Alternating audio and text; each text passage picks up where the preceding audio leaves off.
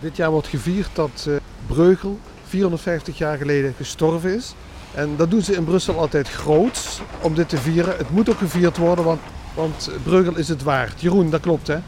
Dat klopt. Uh, Breugel is het meer dan waard. Dat zal ik je tonen tijdens uh, deze wandeling. We bevinden ons, de start van deze wandeling, op de Kunstberg in Brussel, vlakbij het Centraal Station. Dus als je aankomt, uh, de berg op, meteen een stevige wandeling naar boven. Met een prachtig uitzicht. Want dat is inderdaad de troef van deze wandeling, is het prachtige uitzicht. Als je plaatsneemt aan de fontein op de Kunstberg, een hele mooie fontein van de Amerikaanse kunstenaar Calder. Een van de weinige kunstwerken die hij in de Benelux uh, heeft achtergelaten. Heb je een schitterend zicht uh, op de stad. Zie je zelfs de toren van het stadhuis. Zie je uh, eigenlijk een stukje van wat wij graag noemen het mooiste plein ter wereld, de Grote Markt.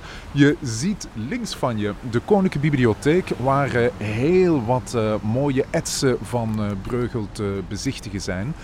je ziet hier ook beneden zie je een schitterend gebouw, het Dynastiepaleis. En daar is ook een heel interessante Breugel tentoonstelling op dit moment. Een beetje het multimediale Breugel, een, een beetje de multimediale beleving van Breugel die je daar kan meemaken. Beyond Breugel heet die tentoonstelling absoluut de moeite.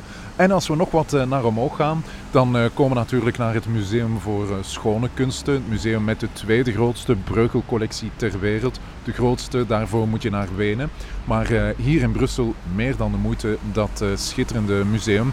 En we zijn vlak bij het Koudenberg-paleis daar waar de broodheren van Breugel zaten. En Breugel, ja, die vooral in opdracht natuurlijk schilderde in de 16e eeuw. Hier kwam hij dus heel vaak.